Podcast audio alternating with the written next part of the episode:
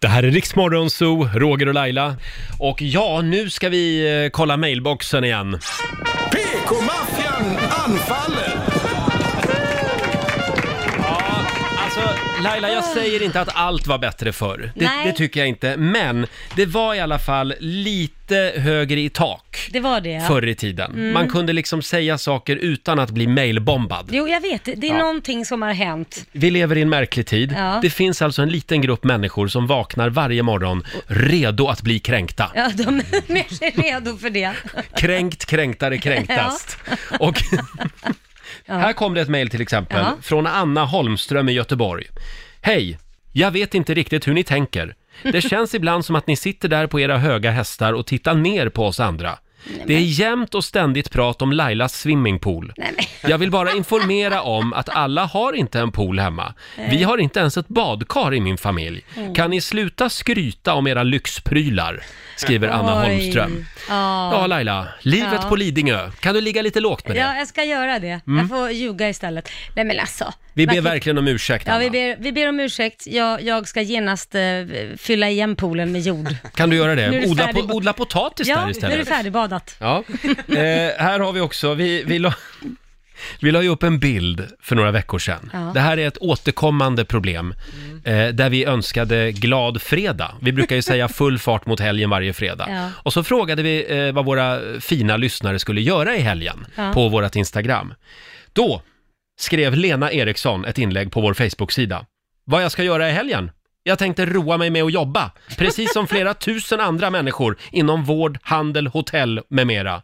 Det är väldigt mycket tjat om er fredagskänsla som massor av oss människor inte har. Hmm. Det här, alltså, det- när man säger trevlig helg till någon på fredagar, då är det alltså en grupp människor som blir kränkta på Ja. riktigt för att de måste jobba i helgen. Ja, du får, alltså jag, tycker, jag tycker inte att vi ska säga trevlig fredag längre. Ingen jävel ska ha en trevlig fredag om det är några som Nej. jobbar. Men förlåt, helgen kommer väl ändå? Även om man Ja. jobbar på helgen så är det väl fortfarande helg? Man kan väl ändå ha en trevlig helg? Ja, nej, det kan du fan inte ha. Och Man, ska jobba. man kan väl ändå ha lite full fart mot helgen? Ja, det kan man även om man väl. råkar jobba. Nej, Lena, jag är ledsen, jag vet Ja. inte.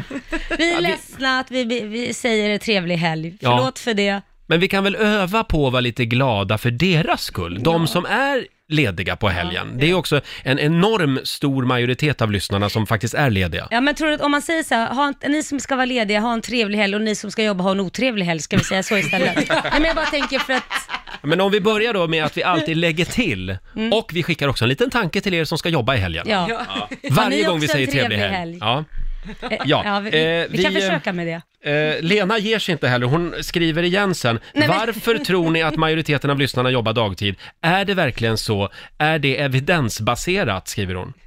Och hon gav sig inte, hon var Hon gav sig verkligen inte. upprörd. Ja, Jag har inga bevis på det här. Vi får väl ringa till Statistiska centralbyrån, Lena, och reda ut det här. Vi går vidare. Men vi ber om ursäkt, Lena. Eh, I familjerådet för ett tag sedan så pratade vi om vilken kurs som vi skulle vilja sätta vår partner i. Ja, Nu skriver Lena Werner på Instagram. Nej, nu får ni väl sluta tjata om alla era partners.